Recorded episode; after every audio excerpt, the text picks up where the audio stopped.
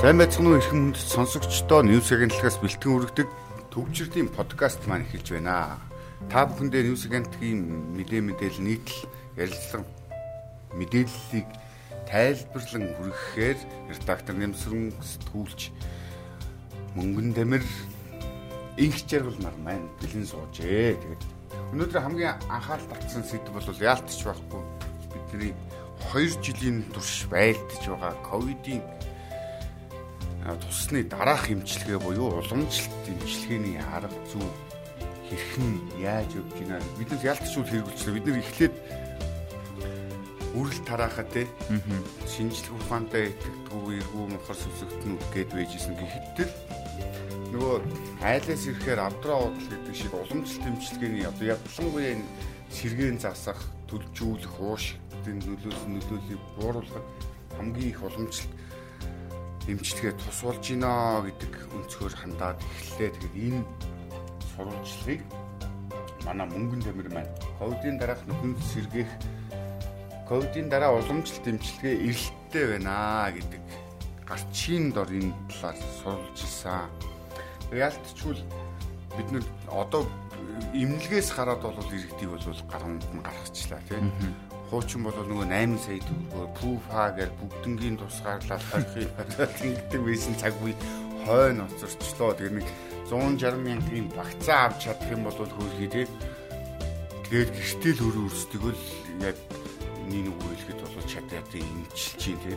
Тэгээд гэтэл энэ уушгинд үлдчихэж байгаа энэ сөрөг үр дагаврыг тий төлчихгүй байгаа энэ хүндрэлийг хамгийн их имчилж байгаа ганц юм нь бол уламжлалт амгаах ухаан болчлоо. Энэ талаас сурвалжлага гэдэг яг юу харагдаж байгаа юм бэ?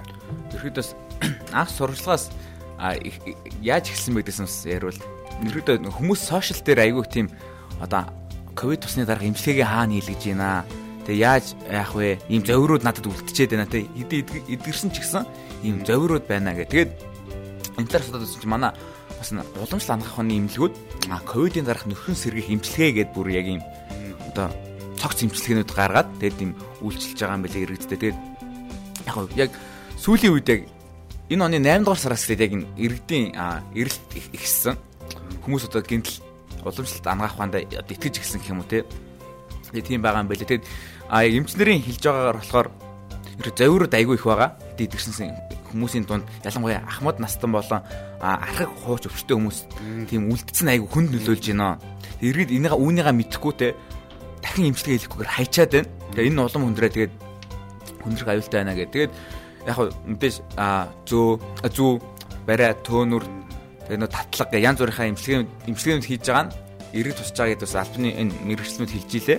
А тэгээ бас тэр сүүлднээс нэг имч хэлсэн.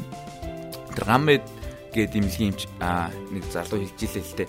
Гол нь Одоо өвлийн өдрөлд эхэлж байгаатай холбогдуулна. Залуус маань энэ архаг хүч өвчтэй хүмүүс маань ахмад наснууд дулаан авцлаарай. Халуун бүлээн сайн ууж агаарай. Хүүтийн юм ухаар хүний цусны эргэлт удааширдаг гинэ. Тэгэхээр ингээд өвчин тус их усүр бол бас бид нар энийгээс төдийл анхаардаг шүү дээ хүмүүс. Залуу насн дээр гээл даарч хөрөөл яваад байдаг. Яг өндөө бол энэ болохоор өвчний үүсвэр шүү. Ялангуяа ковидтэй энэ үед доороос заарах бол суурийн бэлдэж өгдөг гэдгээс анхааруулж байлээ л дээ. Бид нар чинь асприн 81 гэдэг юм байнгын хэрэглээ болчихлоо шүү дээ. Цус өтгөр маш их өтгөрөөд байгаа учраас шингэлдэг шингэлэх гээд байна гэх.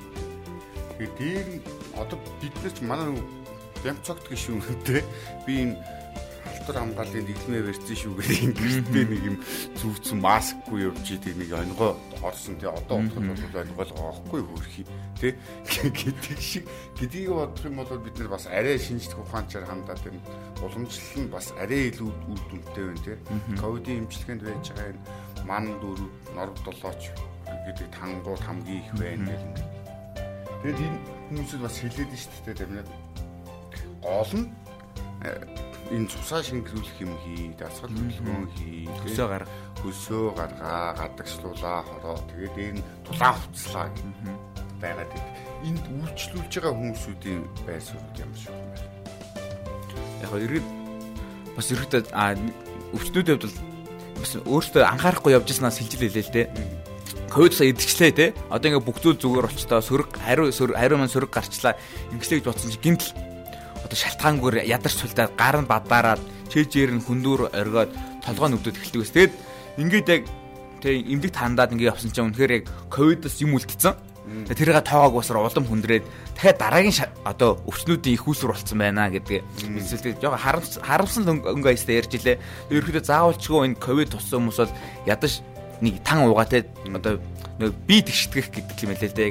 Уламж санаах хондоо би тэгштгэх тангаа угаад ядаж нэг бариулаад ингэсэн нь бол зүйтэй юм байлээ гэдэг бас бусдаа эргэжтэй зөвлөж хэлж илээ. Яа. Боломжтой Монгол Монголч өөрсдөө аяг болно. Үнэтэй. Үнэтэй тийм.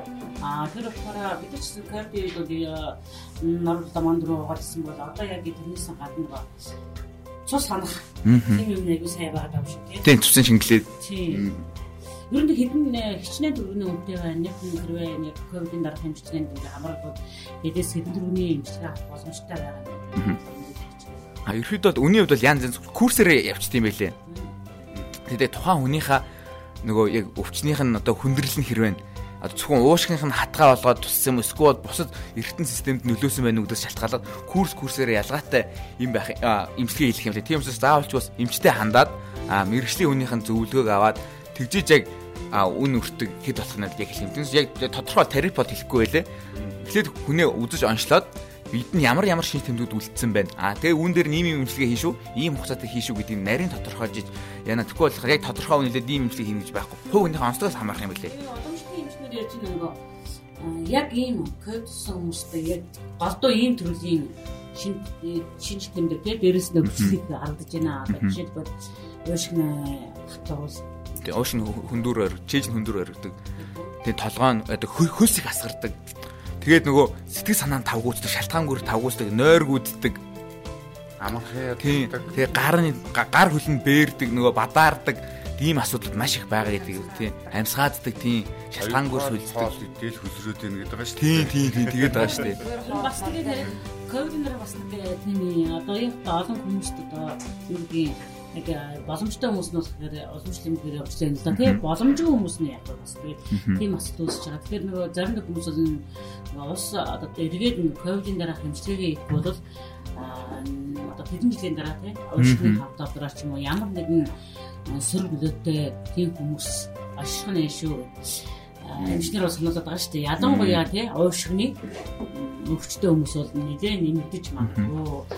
5 6 жилийн дараа уушны хавтаа ч юм уушны хадрын өвчлөл бол нэрс гисэж магадгүй гэж зөвлөд байгаа юм билээ. Тэгэхээр болж игэл уушгаа уцаагаад нөхөн төвжүүлэх талаараа арга хэмжээ аваад яг нэг уушг нөхөн төвжүүлэхийн тухайд бол маань уламжлалын эмнэлэг энэ үзэж сурхий сайн юм биш үү? Тийм хүмүүс бол их хвшлэл нөгөө өөрсдийнхөө зардлаар тэгж хэмжүүлж байгаа шүү дээ. Тэгээд одоо яг ковид цаад эвдгэрсэн хүмүүстэй цаанаас нийгмийн даатгалаарч гэдэг юм уу улсаас та яг тэр өдрөчөд нэг эдэрний даатгалаараа өөрчлөлт үзүүлэх боломжтой. Тийм ковидын дараа хэмжлэгийг хийх боломжтой шүү гэдэг жоохон журам ч юм уу зүйл заалт ч юм уу оролдоод өгвөл тийм. Тэр нөгөө боломжтой хүмүүс чинь хуваараа мөнгө гаргаж чадахгүй шүү дээ. Тэгээд яаж нэг даатгалаа төлдөг бол даатгалаараа ч юм уу тэгээд өндөр насны хүмүүс ч юм уу яаж хамрагдах боломжийг бүдүүлээд өгвөл Аа харин тийм. Тэгээд чинь айгүй. Бид миний надад ч ястаа чи зэдэг явж байгаа. Асуудал болоод байгаа. Одоо жишээлбэл сошиал төр бол одоо даатгалыг ерөнхийдөө даатгал бол одоо нэлээ хичээл төлсөн биш тийм үст байгаа. Тэгэхээр бид мэндийн үйлчлэл авах хэрэг бидэрт юм үйлчлэл учраас даатгалын төлсөн юм үйлчлэл авч чадахгүй. А гэтэл адилхан бас огт даатгал төлдгөө одоо наран туулын 8 ч юм уу бас зарим нэг огт даатгал нэг төлдөг хүмүүс байна шүү дээ тийм. Гэтэл тэд нар нь болохоор бас манайс бас төлж байгаа юм дээр үүсгэн аваад энэ даатгалын системийг аягүй тийм шударга зөв зөвхөстэй болох гэсэн. Нэг нь хажууд нөгөө нь ерөөсөө зүгээр л энэ даат баах мөнгө төлөөлөдөг хэрнээ өрхийн эмнэлэгт үзүүлэх эрх юм бичиг юм шиг байж дээ тий. Бусд газар үйлчлэлтгүй. Яг нарийн шинжилгээ юм хүмүүд ингээ явахлаэр бид нар явган явсаар бүрийн эмнэлэгт л очиж яриагаа айгүй нэг наантай цаантай болж байгаа жишээ нэлээ. Гэтэл энэ ковидын үед бидний эрх ашиг яаж хэрхэн зөрчигдвөө хүний эрх хаана очвоо яг үндэ бол өнөөдөр гудамжинд хамгийн том хууль бол цагтаа болчихлоо тийм. Тэгээд энэ хүний эрхийн зөрчлүүдийн талаар манай их жаргал маань сурвалжлага бэлтгэн үргэсэн те. Энэ хүний эрхийн төлөөлөгчнөр ер нь юу гэж дүнж ирэх юм? Тий, өнөөдөр бол хилцүүлэн болсон одоо ч үргэлжилж байгаа. Тэгээ энэ дээр хүний эрх бол асуудал нь маш хурц тавигдчихжээ. Угаасаа яг ковид гараад 2 жил болчлоо тий. Ковид манай улсын яг хатуу хөл оройнд ороод өнөөдөр 1 жилийн ойд орно. Яг ингэж тулгаж энэ хилцүүлгийг бол хийж байгаа юм байлээ. Яг ингээ хатуу хөл хорионд орсноос шалтгаалаад хүмүүс ингээд нөгөө ковидын хууль гэдэг нэг юм доор захирагдаад одоо идэлх хэвээр ирхэн ингээд хязгаарлагдаа заримдаа бүр ингээд байхгүй байна гэдэг юм хэлээд байгаа байхгүй. Нэг жишээ хэлэхэд нэг залуу ингээд ирээд тусгаарлалтанд байхдаа ингээд өөрөө тэр тусгаарлалт ийм асуудалтай энэ имлэг юм байна гэдэг тодорхой бодит байдлыг мэдээснийхаа төлөө эрүүг хариуцлага хүлээлгэж байгаа. Тэр хүн тийх ёсгүй байх. Тэр чинь нөгөө нэг хэвлэн нийтлэг үгээ хэлэх эрх чөлөө гэдэг юм шүүд үлэрч шүү дээ. Тийм одоогор бол бараг 1.5 тэрбум. Зөв зүгээр ирсэн иргэн алдар авч байгаа. Тусгаалтанд байж байхдаа алдар авчиад тий. Тэгээ тэрийг нь цагдаа нар хэрэгтэн болгох гээд яваад байсан. Шүүх бол цагаатгцсан тий. Тэгээ талбай дээр одоо ингээл манай талбай ингээд жигсаалын одоо яг ингээд юм төвцгийг болчиход байна шүү дээ тий. Хин дуртай ингээд асуудал тулгархаар талбай дээр очиж үгүй хэлдэг талбай дээр очих асуудал. Гэтэ тэр талбай дээр болж байгаа асуудал хоёр талтай гэж байна. Улс төрийн томоохон хүмүүс ч нэр бүхий хүмүүс ингээд очиод чагсаал зугууллаа гэдэг бид хууль үйлчлэхгүй. Энэ ковидын тухай хууль нь ч үйлчлэхгүй. Тэр нэг цагдаагаас тавьж байгаа шаардлага нь ч ерөөс нөлөөлөхгүй. Аа зүгээр ингийн иргэн очиод надад ийм асуудал байна, төр засагт ийм байна, би ийм шаардлага хүргүүлмээр энэ тэр цагдаа нар барь авчдаг. Танд төршлийн тухай тийм хууль байна. Ийм ингээх хэвээр тех хэвээр цагдаа нар бүчээд барьчлаад аваа авчдаг. Яг энэ бол яг энэ одоо баримтлагаанд ч юм уу энэ ковидын хууль доор ингээд хүний эрх ингээд асар ингээд том зурч гарч байна тий. Иргэн хүн эдлэх хэвээр эрхээ эдэлж чадахгүй шүү дээ. Та нар ковидын хуулийн доор ингээд бидний үгээлэх, үйлчлэл илэрхийлэх чагсаал зулаа хийх. Тэгээд цаашлаад хөдөлмөрлөх эрүүл мэндийн дээр энэ насаа гэд эрүүл байх хэрэгтэй гэдэг энэ хууль нөхд үүшлэхгүй байна. Бид нэр энэ болгоноо хүн бол төрснийх эдлэх ёстой авмаар байна штэ гэдэг хүмүүс аюу байгаа. Гэтэ ганцхан энэ хэлцүүлэлтээр хүний эрхэс гадна боловсрол, эдийн засаг, эрүүл мэндийн салбарт одоо үүсэж байгаа асуудал төр хүртэл тухайн салбарын төлөөллүүд, хувийн байгууллагууд, төрийн бас байгууллагууд бас тэр салбараас болж хохирсон иргэд бас ирж ингэж өөрийнхөө өдлөөдлөө илэрхийлж байгаа байхгүй тийм. Тэгээд энэ их амар ноцтой юм болж байна. Одоо жишээ нь чи улсын онцгой комисс маань өөрийнхөө бүрэлдэхүүнд хүний эрхийн комиссийн гишүүдийг оруулахгүй энэ жил гарan явж байгаад нэг оруулаад оруулсан ч гэсэн нөгөө шийдвэр гаргах төвшин тэдний үгийн сонсдгоо тэ үзэл бодлыг нь хэлдгүү нөгөө тавьж байгаа шаардлагын хангалтгүй ч гэдэг юм уу иймэрхүү асуудлууд ингээд байсаар ирсэн шүү дээ ганц юм хэлдэг нь иргэд хариуцлагатай баймаар байна. Гэл ингээд хэлээд байдаг тийм хүний эрхийн үндэслэг консулын сатлыг маш муу ажилласан. Яг ерөөсөө иргэдийн хайр шин дэвш а эрхлэгчдийн танд үйлчж байгаа Тийм учраас хүний эрхний үндэсний комисс ер нь тэгээд төрд байх шаардлагатай юу гэдэг асуудал гарч байна. Яг энэ хүний эрхний үндэсний комисс чинь баригч нь улсын их хурлаар ордог эрхчтэй өөрсдөө хэлдэг. Гэхдээ эрх баригчнэрийн талд ажилласан юм уу гэд харахад бас хүний эрхийн комиссийн чинь нөгөө даргаыг нь жишээ нь томилохгүй ингээд энэ жил гарангийн хугацаанд яваад байгаа шүү дээ. Өөр гүйцэтгэгчээр нь байгаа гэдэг. Эн чинь л нөгөө нэг энэ хүний эрхийн төлөө тэмцэж байгаа хүмүүсийгээ энэ сектороо тэр чигт нэгээд гаргуунд нь гаргаад ингээд хол байж игээ амар гэсэн шиг тэгээд аргагүй өдөртлөхгүй байлгаад байна гэдэг чинь тийм л юм төр зэсгийн хандлага нь харагдаад ах шиг байгаа юм тий. Өнөөдөр бас нэг онцлох нэг юм бас манай дараа хатуу царан шилжээд гадаадаас иргэдмэр дэрнгүүд 21 хоногийн тусгаарлалт өгч эхэлсэн шүү дээ. Та гэртээ 14 эмэгтэй 14 байсан шүү 21 хоног гэж. Тэсэн чинь тэр 21 хоногийн тусгаарлалт нь хуулийн дагуу биш Ямар шинжлэх ухааны үндэслэлгүй 21 хоног тусгаарлаж эргээд иргэдээс мөнгө авсан. Хэмжлэгийн залж мөнгө авсан гэх. Тийм. Тэгэхэд одоо сая төгрөг гэж ярьсан чинь сая 10 төгрөг. Тэрийг авсан гэд тэрний асуудлаар ийм хууль хуулийн байгууллагууд одоо нэгтгэхэд шүүх прокурорт ингээд өмл өрөөдөл гомдлол өгсөн байлээ. Одоо энэ шийдэгдээд шүүхээс шүүхтэр явж байгаа гэдэг чинь. Тэгээ энэ дээр одоо улсын онцгой комиссийг тухайд даргалж исэн хүмүүст нь хүртэл хариуцлага хүлээх хэрэгтэй. Яагаад тийм шинжлэх ухааны хуулийн үндэслэхүү 21 хоногийн эдийн засгийн мөнгө авч байгаа юм эргээд энэ хүмүүсийн хандаа ингээ алдагдлыг нөхөж өг гэдэг бас юм шаардлага тавьж байгаа гинэ. Тэгсэн чинь нөгөө нэг бас хүний эрхийн комиссдэг энэ асуудлаараас хандсан гинэ. Энийг ингээд ягаад 21 хоног тусгаарлсан юм бэ гэдгээ батлаатгаа.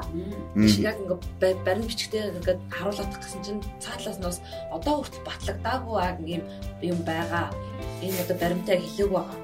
Гэт одоо хүртэл энэ асуудал байгаа. Явсаар л байгаа. Одоо ч гэсэн нөгөө 2 3 наснуудын цэцэрлэгчид яг тийм асуудал болоод шүү дээ энэ хамгийн эрсдэлтэй бүлгээ тийм учраас цэцэрлэгт явуулахгүй гэдэг шийдвэр гаргаад байдаг.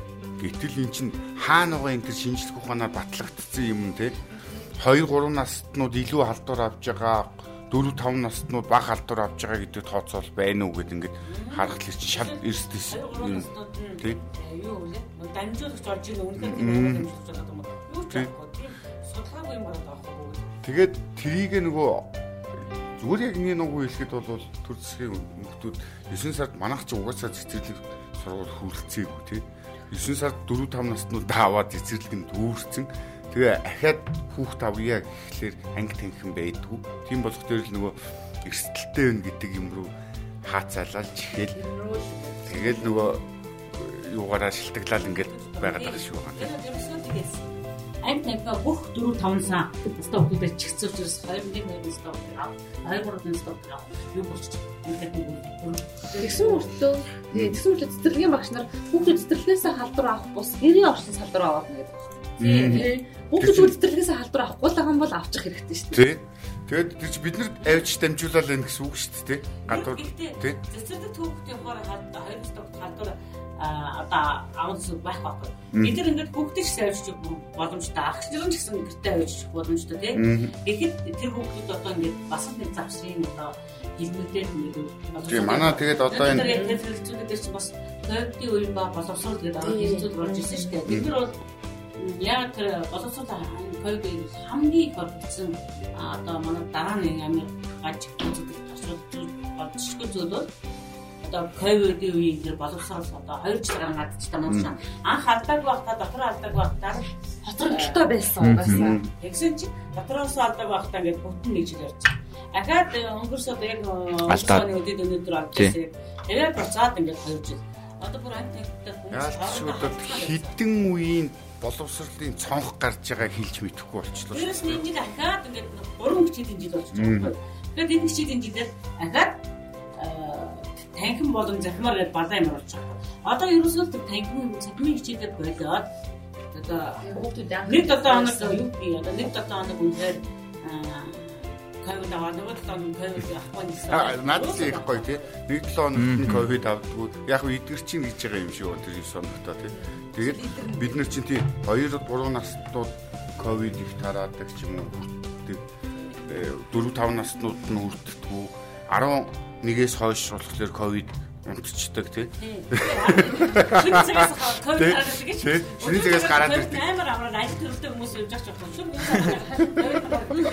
Шинэ ухааны ямар ч ийм тодорхой санкц юм бүтэн тодорхойлт байхгүй юу? Энэ бүхний чинь цаана иргэдийн аж амьдрал бизнес, ажил хэрэг, эдийн засаг бүх юм нь явж гин гэдгийг ойлгохгүй тий. Одоо ирээдүйн нөхцөлтэй байгаа. За өнөөдрийн эдийн засгийн алдагдал хямрал одоо үнийн өсөлтөд одоо за яах вэ? Хайдур зүрх үзэгдэл авахгүй.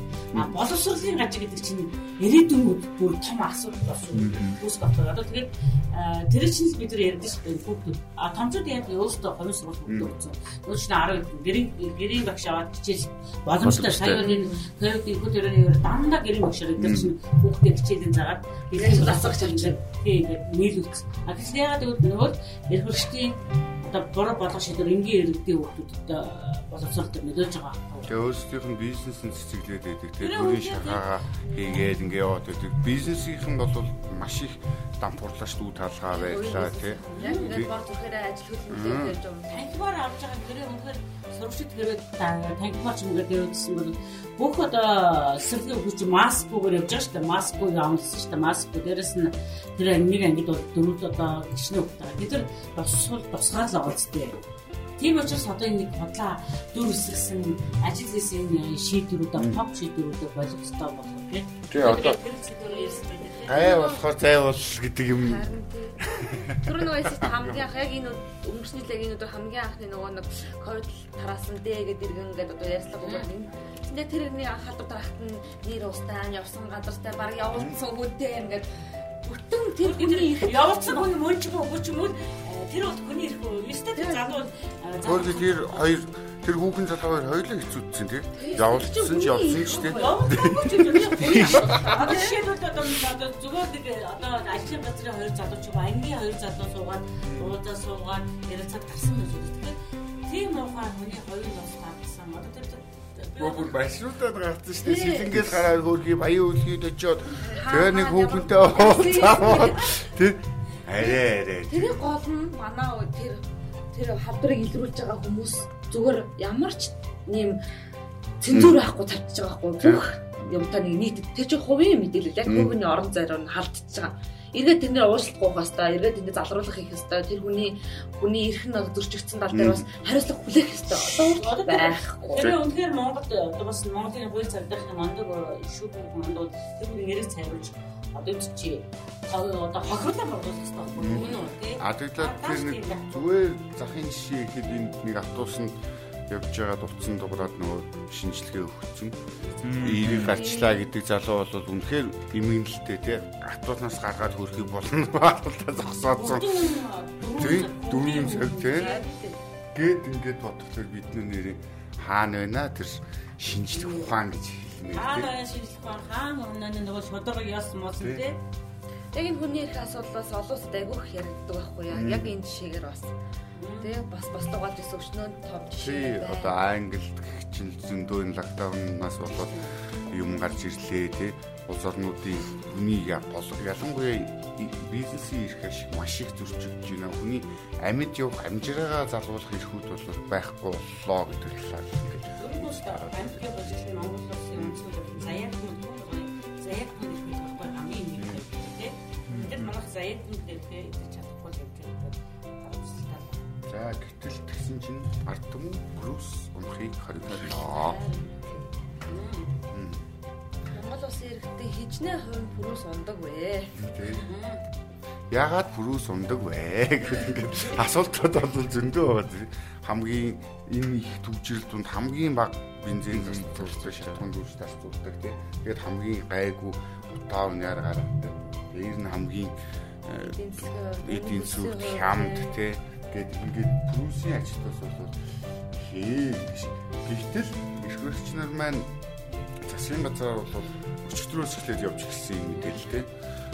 Засгийн газрын хуралдаанаар э, бороо өрүүлэлттэй буюу барамталтай өрүүлэлттэй хүрттэй автомашиныг явуулахыг авто замын хөдөлгөөнд оролцуулахыг хориглох тухай яриа гарсан. Дээр нь бензинээс татвар иргэдийн худалдаж авч байгаа бензинээс татвар авах тийм. Тэгээ нөгөөдөгт нь нөгөө ачдаг компаниуд нь зөрчлийн хуулиар 20 мянган төгрөгөөр нэмэгдэж байгаа гэхчлэн иргэдийн юм дамжсан мэдээллүүдийн дунд явсан энэ талаар манай сусар бүрэн маань ард түмэн төрөөс үнэхээр хориглоноо гэж битсээ тэгээд одоо ядчих яар гэх чир тий буруу үл тий буруу хүртээ буруу хүртээ хүртээ машин дөрвөлөг буруу хүртээ машиныг бол зохицуулах хэрэгтэй гэсэн тийм санаачлаа үеийн засгийн газрын яригддаг юм бол да. Тэгээд энэ бол шин шийдвэр биш. Үйл бодлын үед бол хамгийн тод яригдчихсэн тийм. Тэгээд гол нь аа за бидний одоо хүмүүсийн амжиргааны төвшин гэдэг үлээ үнэхээр яг энд гадаад сорж байгаа зөөр өрөлттэй машинууд авах боломж гээд байгаа. За нөгөө талаас зөөр өрөлттэй машинууд хэвээр тэгээ солонгос машинууд нь Монголын зах зээлд одоо Монголын замыг замыг замын эдлэгээр байж байгаа хүчтэй асуудалтай. Харин миний хамгийн тэр эмзлээд байгаа юм дээр иргэдийн худалдаж авсан шатгуунаас одоо татвар амар юм баггүй. Нөгөө импортлогчтой болохоор татвараас хөнгөлөөд худалдаж байгаа эцсийн үнийг би нэг бензин худалдаж авсныхаа төлөө татвар төлөөд ихлээр би яах юм бэ те? Бүгд амьдарч байгаа те. Бид шинэ тэгэхээр ерөөсөө одоо нэг дэлгүүрч маш олон их мөнгө эдсэн одоо цацдаг юм одоо гэж эдэлсэхдээ ямар юм бэ? А тэр нь тодорхой юу яагаагүй одоо ил болоогүй. Э95 маскыг л гэхэд 20 мянган төгрөгөөр худалдаж авах гад зогсож исэн хүмүүс шүү дээ те. Тийм. Идэх сарын өмнө нэг сард шүү дээ. Тэгэхэд чинь тэгсэн үрдээсээ одоо ерөөсөө төсвөн тасарсан. Нүүрсэн зар шатгаа болцсон Тэгээ эргээд яахаар эрдийнхэн халаас руу бүгд гарч ирж бүх сангууд нь хоосорсон болохоор тий жолоочийн хариуцлагын даатгалыг хувийн хвшил байж исэн мөнгийг үртэл авах гэж санаа бизнесийнхээ өмчийг бодож шít компанийн болоолаа ууд хогны болоолаа компанийн болоож जैन сүүлд одоо бидний торгуулаар одоо татвараар бидний халааснаас одоо нэг талхны мөнгөний манд булаах сонирхол одоо гарч ирж байгаа. Байхгүй юу. Төр хизээ чи юм хувийн хвшлийн бизнес рүү ингэж орог нь шууд үрээд хурууд үрээд ингэ явах шаардлага байхгүй. Эсвэргээрээ тийм торгуул татвараа чөлөөлөө сайхан ерөөсөө тэр дад эдийн засгт байгаа мөнгүүдийг татах тийм арга хэмжээ зохион байгуулах хэрэгтэй гэдэг. Яг энэ үйл чинь тийм арга хэмжээ зохион болгож юм дал дарангуулын аргаар эдийн засгийг бүрдүүлэх гэдэг юм шүү. Дарангуул эдийн дээр нь бидний бас их сонголтонд асуудал байгаа дах шүү юм тийм. Энэ зүүнний чиглэлтэй нам чинь ийм л юм хийн. Угаасаа халамжийн тогтолцоог барьдаг тий асуудлыг төр шийдэх гэж оролдог ийм л санаа номлодог хүмүүсүүд шүү. Тэгээ бидний сонголтын эцсийн эцэст явж байгаад энэ байдалд хүрэж байна л гэж хэлэх гээд байгаа байхгүй юу? Сонголтын зөв үеийг ярьжээ. Тэгээ нэг чатгууныхаа татварыг хаацалж байгаа эко машин оруулах хэрэгтэй. Улаанбаатарын нөгөө утаа унаартай эко машин зүгээрээ гэж хаацалж байгаа байхгүй бас. Тэгээд гисэн атлаад төрийн данхгар жипнүүдийг яалтай тий. Ямдарчаасаа эхлээл 570 саяар татвар төлөгчдийн мөнгөөр тийм тансаг жип ямдарчгаа одоо хөдөө гадаа хизээ явж иддэг болцсон тий. Яг лагал дугаал нөгөө нэг замын замын ус цэцчил өгч байгаа үстэй тэр чинь амар цацаад татваад За яасан гэсэн тэр машин нэмдэрж байгаа юм гэсэн машин торгуулаач төлөөгүй байх шиг тий. Тэгсээ төсвийн мөнгөөр торгуулын нэмдэрж байгаа торгуул гарангууд Тэр машины тургуулийг төсвийн мөнгөөр бидний мөнгөөр төлөд байгаа байхгүй. Төлчдөг. Тэгээ номерыг нь солио тавьчихдаг бас тийм. Гээд ингээд асуудал их байна яа. За тэгтэл роялти Монголд өгөөжөө өгсөн үү гэд манай Эрдэнэ туяа маань биччихээ. Роялти татвар авнаа гэдэг энэ амнаа тэгээд гэдэг яг уулуурхайхан болоод энэ амнаат болвол ерөөсөө ашиг гэхээсээ илүү алдагдлалд оруулж ийна л гэж хэлээд байдаг тийм. Амнат бол өстой хамгийн одоо манайх чинь ам юу амнат за амнат авдаггүй яахгүй гэж ярьж байгаа шүү. За амнат боломжтой цаг хугацаанд үнэхээр одоо эдийн засаг үнэхээр сайн байгаад амнатыг авах нь зөв. Үнэхээр эдийн засгийн бас тэр чинь бас амнатыг ашиглах бол ашигласныхаа дотор өсдөө шүү тийм биз дээ. Уулын пант чинь нийтийн баялаг өмч өөрийнхөө өмч бүх нийтийн баялаг гэвэл тэрийг бас нэг одоо тодорхой хэмжээ тэрнээс ашиглаж байгааг нь бол ашигтай тийм ашигласан тодорхой төлөвчтэй. А гэтэл одоо эдийн засаг амар мууцсан. Урагшаа хаашаа юу ч гарахгүй одоо хэл хаалттай үед бол энэ бол тал дээр төрийн боловс уян хатан байх хэрэгтэй юм болдог.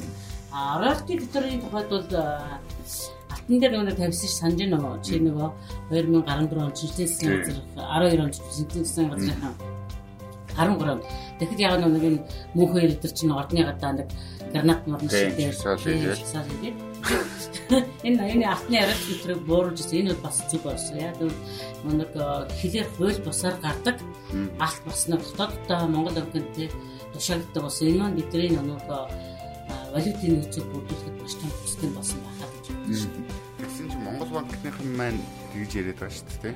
Нөгөө хил хаацсан юм чи яаж гадагшаа гаргах вэ тэр алтаа хүмүүс те. Тэгэхэд алт маш их худалдаа авалт нэмэгцээ Монгол банкны нөөц маш их нэмэгдсэн гэдэг өөрсдөө хийсэн юм шиг гайхуулаад байдаг. Гэтэл нөгөө тэгэхэд эсрэгээр бид нарт амар хортой юм болоод байдаг. Тийм эдийн засгийн үйл явдлууд яаж өрнө үү гэдэг ингээ харахад айхтар вэжээ.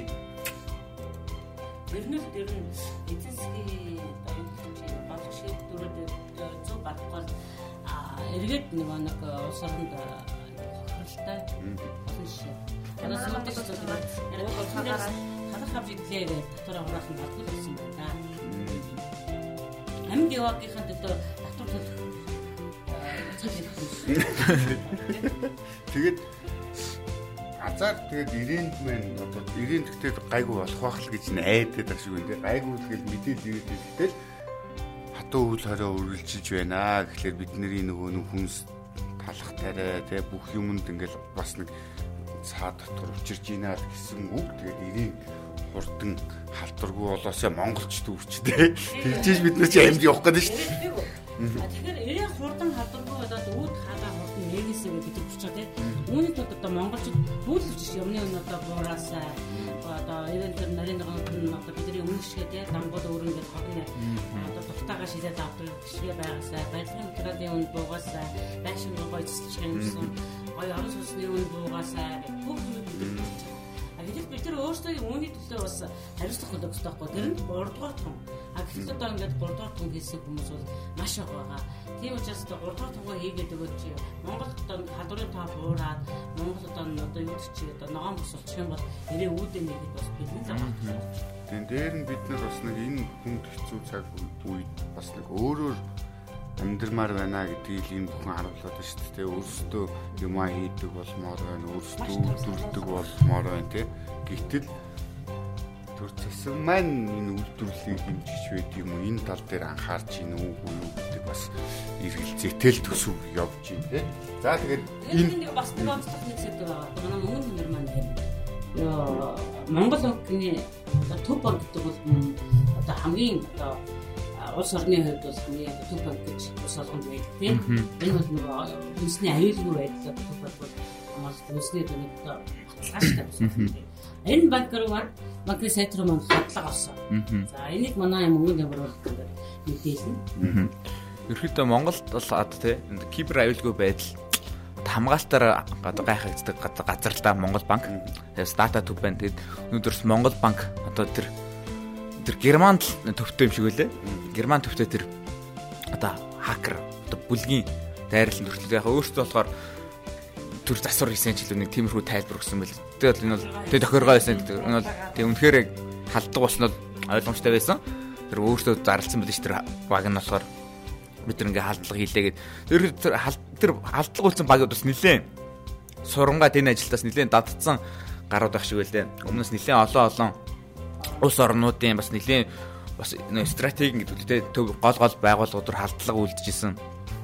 Монгол бас анх удаас ийм болж байгаа юм шиг л өмнөөс 3 удааг Монгол банк хакердуулжсэн түүхтэй юм бэлээ. 2004 он чамын сүүлд нь 2014 онд байсан баха. Би буруу 17 он ч лөө хакердуулжсэн юм бэл. Ерөөдөө Монголд энэ яг энэ цахим аюулгүй байдал, кибер аюулгүй байдал гэдэг зүйл манаас хоригдоод байна уу гэдэг бас тийм ажиглагдаад байгаа.